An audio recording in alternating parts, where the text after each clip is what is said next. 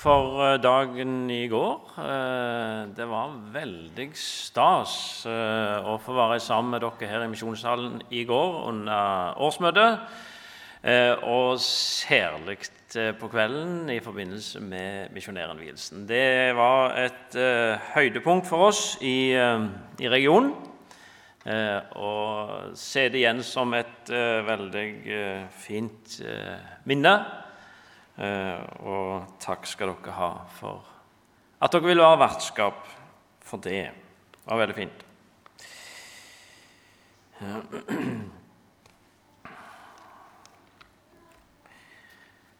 Eh, vi skal lese teksten for eh, dagen i dag. Den finner vi i Matteus evangeliet kapittel 6. Og vi skal lese fra vers 7 til og med vers 13 i Jesu navn.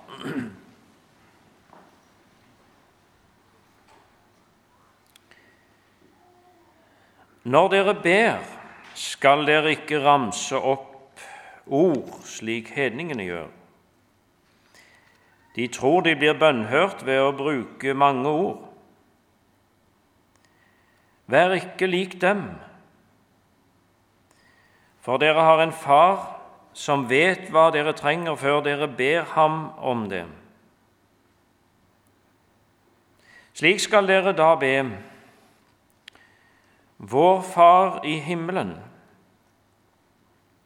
La navnet ditt helliges. La riket ditt komme. La viljen din skje på jorden slik som i himmelen. Gi oss i dag vårt daglige brød, og tilgi oss vår skyld, slik, at, slik også vi tilgir våre skyldnere og la oss ikke komme i fristelse, men frels oss fra det vonde. For riket er ditt og makten og æren i evighet. Amen.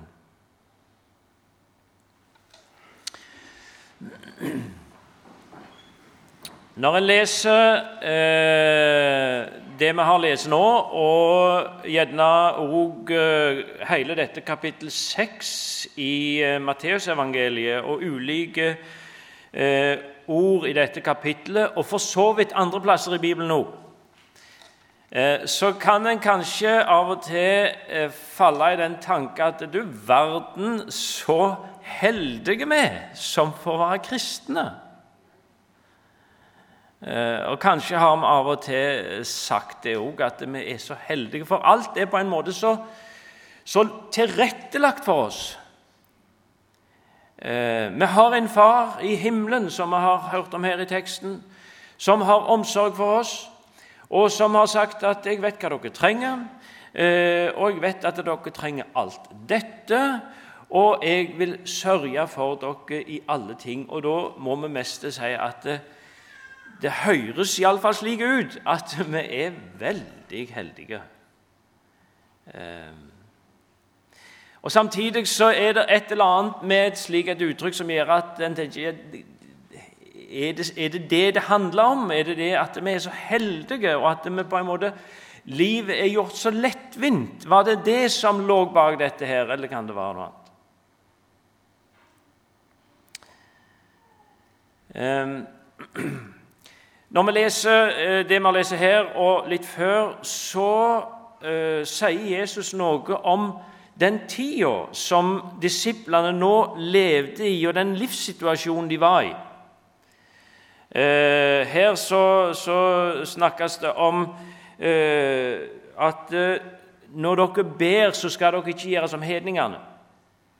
Jeg skal ikke komme mer inn på detaljer rundt det. Men, og Litt tidligere så sier han og når dere ber, så skal dere ikke gjøre som hyklerne. Eh, og så kunne en gått lenger bak gjennom i dette eh, i bergpreika, som dette er en del av, og så funnet ut hvor Jesus sier at 'ikke gjør som deg', eh, og ikke som deg. Og det handler om det eh, som eh, var virkelighet for deres tid, og som for så vidt er òg i vår tid. De sto i en eller var omgitt av en slags åndsstrøm, kan vi si.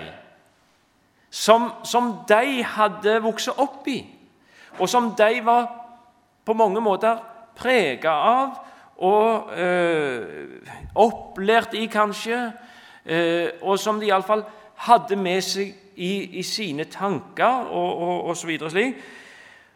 Og slik er det med oss òg, og slik vil det være med enhver tid. Det er en slags åndsstrøm eh, av ulik karakter omkring oss, og kanskje òg berørt av det. Og så har altså Jesus like før dette og i dette så har han kalt deg Det kan vi lese om i kapittel 4 så har han kalt sine disipler inn i en ny livssituasjon som handler om å eh, gå mot tida sin åndsstrøm. Eh, de, de, var relativt nye i dette. Eh, de første skritt kan vi lese om i kapittel 4 i, i Matteusevangeliet. De, de forlot uh, båten sin, og de forlot uh, det livet de hadde stått i, og de har begynt på de første skritt i følge med Jesus. Og antagelig så visste de veldig lite om hva dette var. Eh, og De første skrittene som vi tar i følge med Jesus når vi møter han, de er kanskje ikke de vanskeligste. De vanskeligste er kanskje de som vi må gå når vi er kommet litt ut i vandringen, og de mange spørsmål begynner å melde seg, eh, og de, si, de, kanskje de krevende dagene kommer. Eh, var det slik? Eh, og, og, kanskje er det flere enn meg som av og til har måttet sitere sangen som vi sang til åpning her. Eh, og skulle jeg tvile og se meg tilbake, så ber jeg deg, Herre, å ta meg ved hånden og varme mitt hjerte til atter jeg sier. 'Jeg følger deg, Jesus, jeg følger deg'. Jesus kalte sine disipler ifra en livssammenheng og inn i en ny. Eh, ifra et livsrom til et nytt livsrom. Eh, og han lærer dem, han underviser dem om det å være en Jesu disippel. Hva slags livsrom er det? Hva slags sammenheng er det jeg satt inn i? Og hva er de livslover som nå gjelder? I dette nye livsrommet og i dette nye livet, som er et disippelliv, et liv mot tida sin åndsstrøm i følge med Jesus. Det handler det om. Kunne vi lest hele kapittel 6 det skal vi selvsagt ikke gjøre nå, i, i Matteus evangeliet, og se hvordan, hvordan Jesus fører dem inn i en ny tankegang, der han sier eh, Vær ikke bekymra, sier han. Altså, la dere ikke gripe og holde fast av livets og tida sine bekymringer. For et av det som er avgjørende viktig for en Jesu disippel, det er å være fri. Fri. Fri til å følge Han Og Det handler om en samvittighetsfrihet, skal komme litt tilbake til det.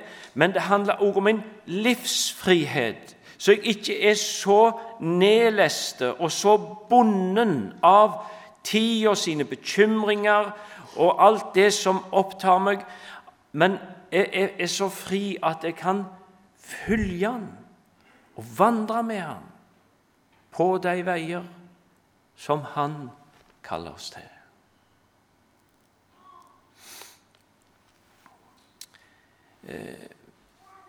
Innsteget i eh, denne bønna, vår Far, Herrens bønn, som vi har eh, foran oss i dag.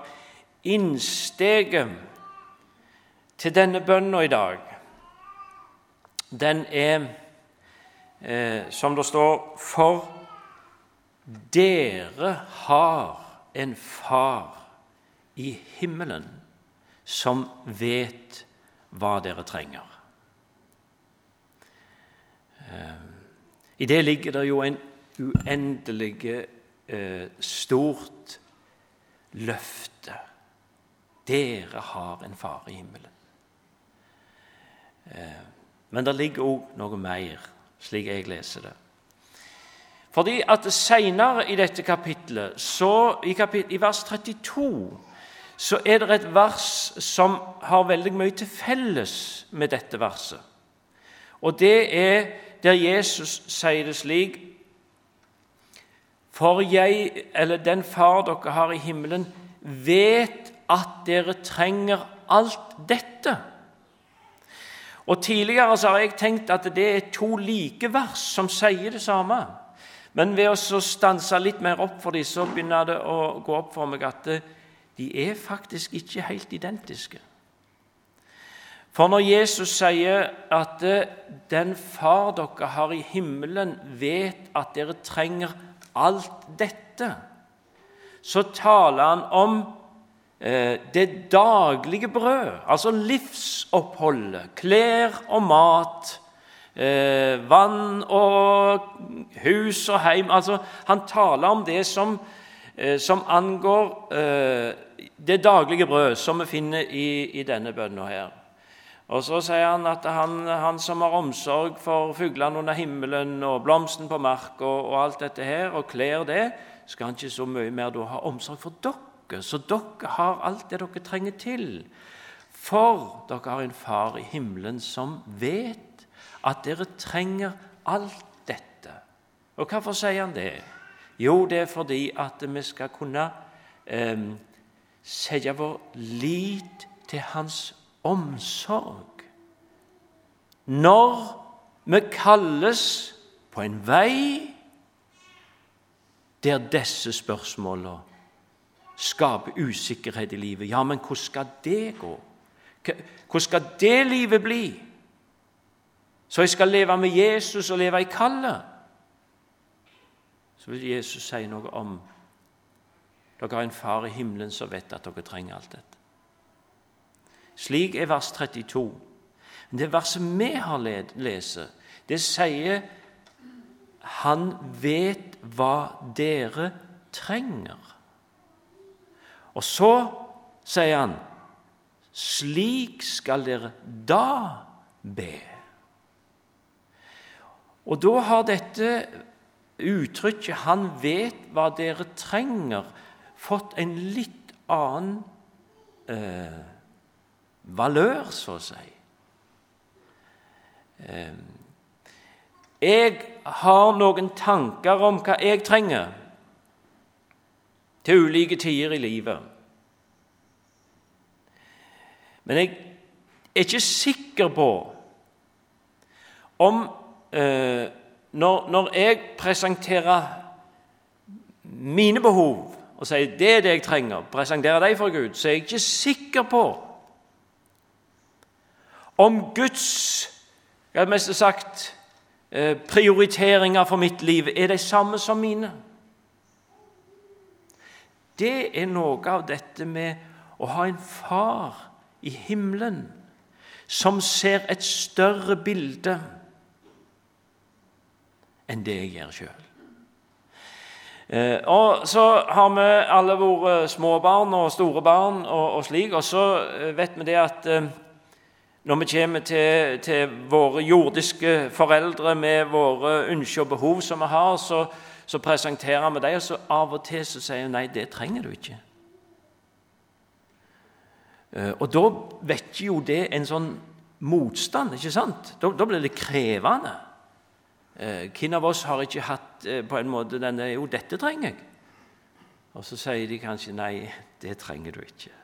Foreldre, ikke sant? Dere må av og til si det til ungene deres. Um, og så kan det være noe som i første omgang oppleves som at det skaper en motstand i oss.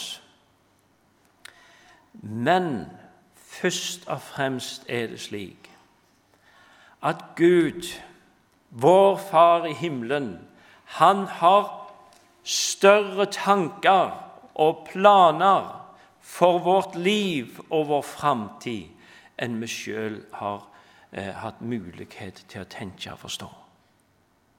Han har store tanker om ditt og mitt liv. Ikke tanker som er store i verdens øyne, men som er store i Guds øyne.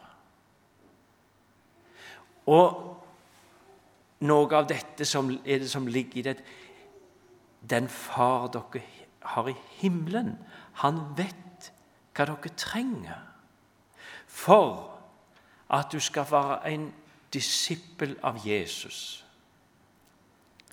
som er fri.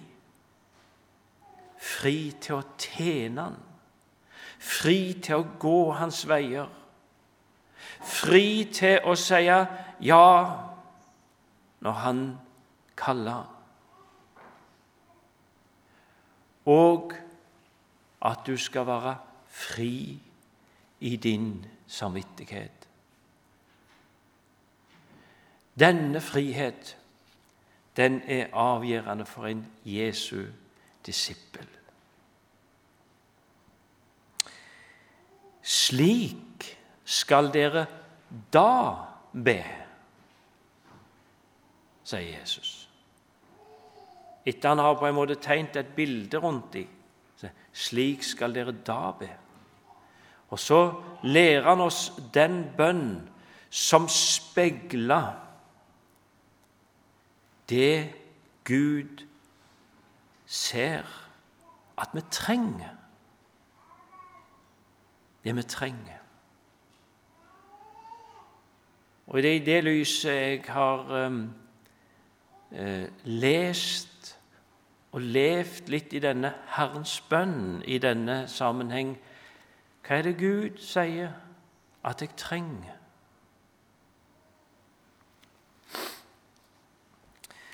Um, det første som jeg bare har lyst til å understreke, som, eh, som uh, denne bønnen innleder med, det er vår Far som er i himmelen.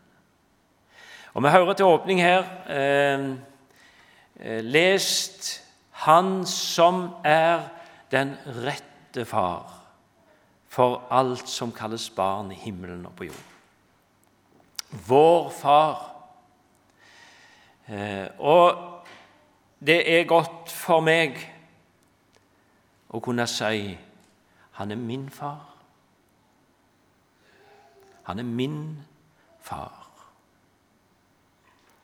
som jeg kan gå til i alle slags situasjoner, til alle tider. Tror ikke at jeg kan uttrykke godt nok det store og gleden og privilegiet i det at jeg har en far i himmelen som er min far.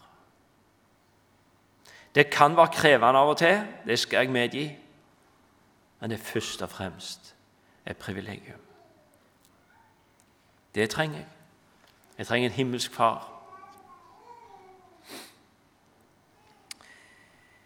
Eh, jeg skal ikke gå detaljert gjennom hele denne bønnen i dag, men jeg har lyst bare til å ta fram noen av disse bønneemner under det eller i det lyset det vi trenger.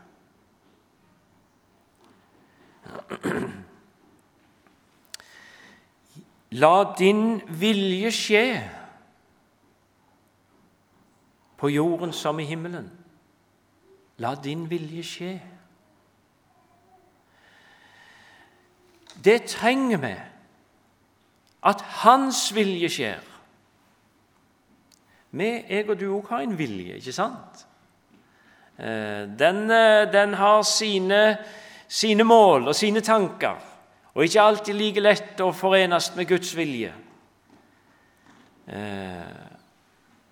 Og da trenger vi, for at vi skal kunne leve i dette samfunnet med Jesus og vandre i de gjerninger han har lagt ferdige framfor oss, så trenger vi dette, at Hans vilje skjer. La din vilje skje.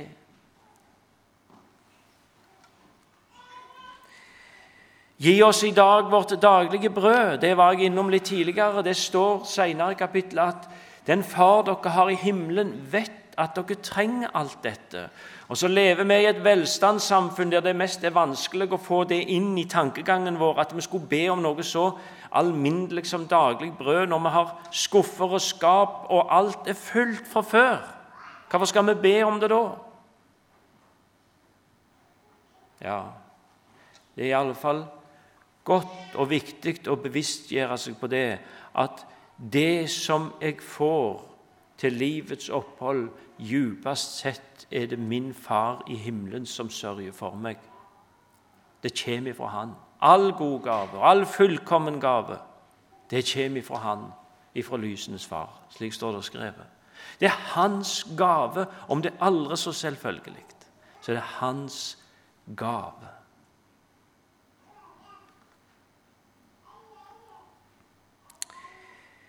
La oss ikke komme i fristelse. Jeg sa uh, litt til å begynne med om det som gjerne skjer når du har gått ei stund.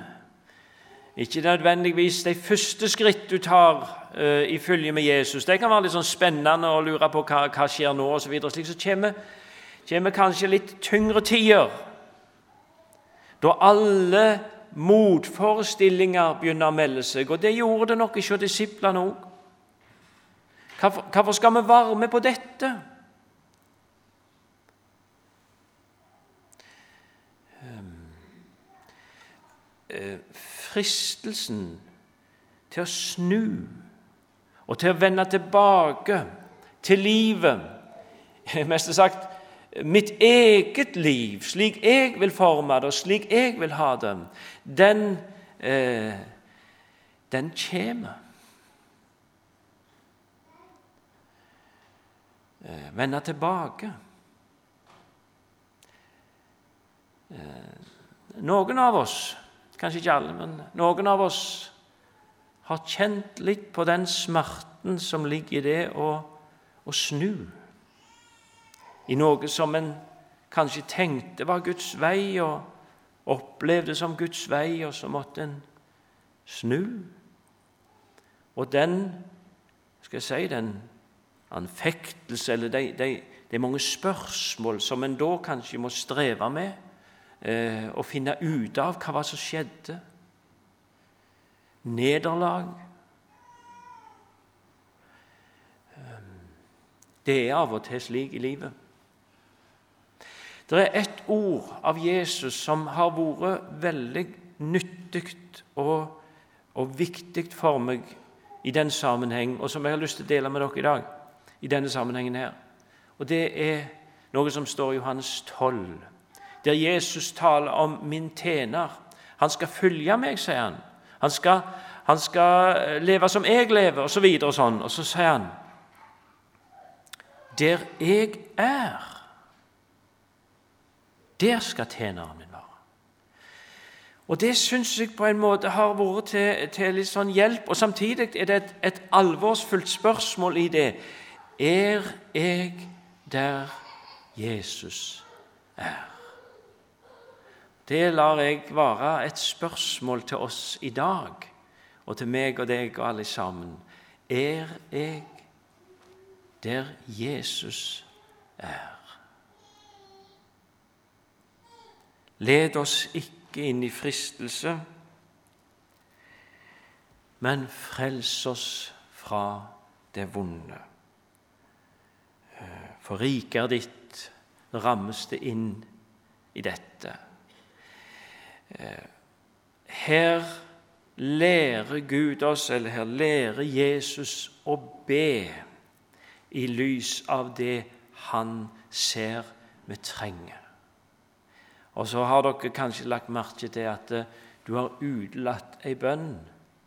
Og det er den jeg har lyst til å ta til sist.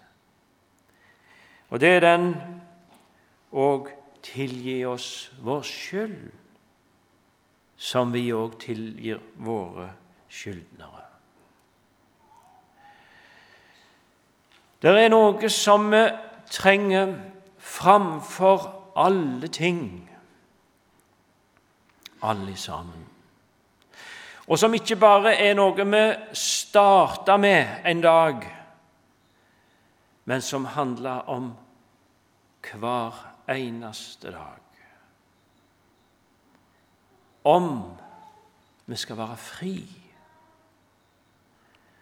Og det er syndenes forlatelse for Jesus skyld.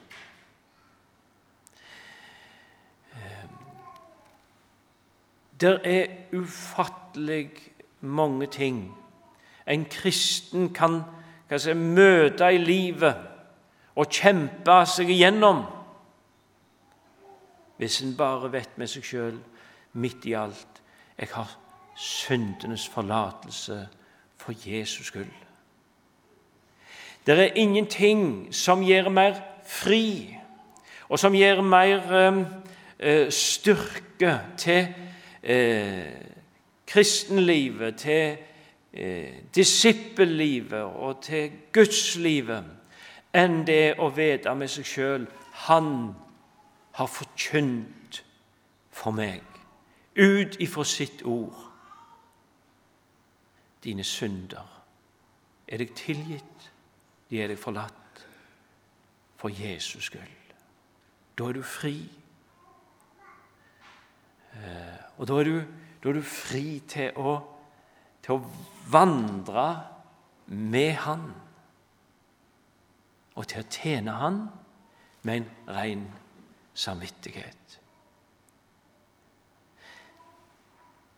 Slik skal dere da be. Det er sagt mye fint eh, og mange formuleringer om bønn som på ulike måter eh, sier oss noe om hva, hva er det som skjer når vi ber til Gud. Ingen av de dekker hele sannheten som regel, men de kan ha noen, eh, noen ting ved seg som er, som er fint og viktig. Eh, en har sagt det slik at å be er å bevege de hender som beveger verden.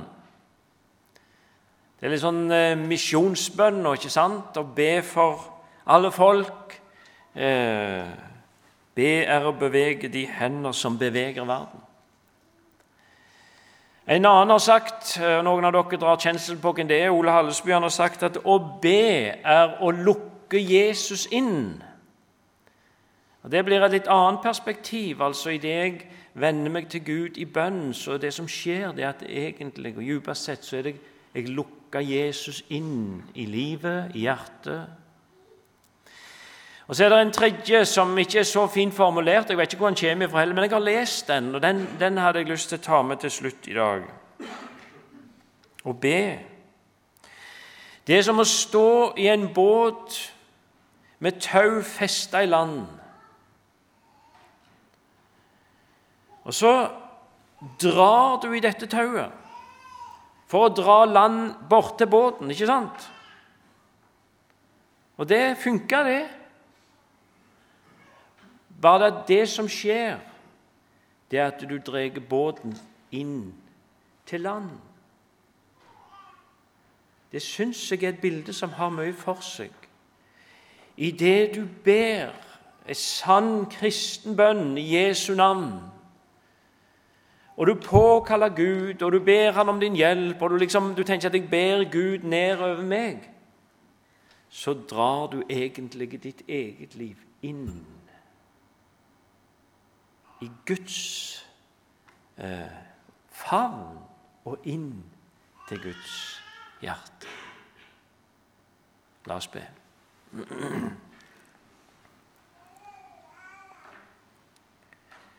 Far i himmelen, vi takker deg for du har gitt oss bønneretten. Og du har lært oss å be, og du har lært oss litt om dette, den bønn som eh, springer ut av det som vi djupest sett trenger. Takk for du ser, og du vet hva vi trenger, og tillitsfullt så kan vi vende oss til deg med alle våre bønner og så ha en, en, trygghet for det at du gir oss eh, ikke alt vi ber om, og ikke alt vi ønsker, og, og, så videre slik, men du gir oss det som vi trenger for at vi skal kunne leve med deg og følge deg og leve som dine disipler her i denne verden. Amen.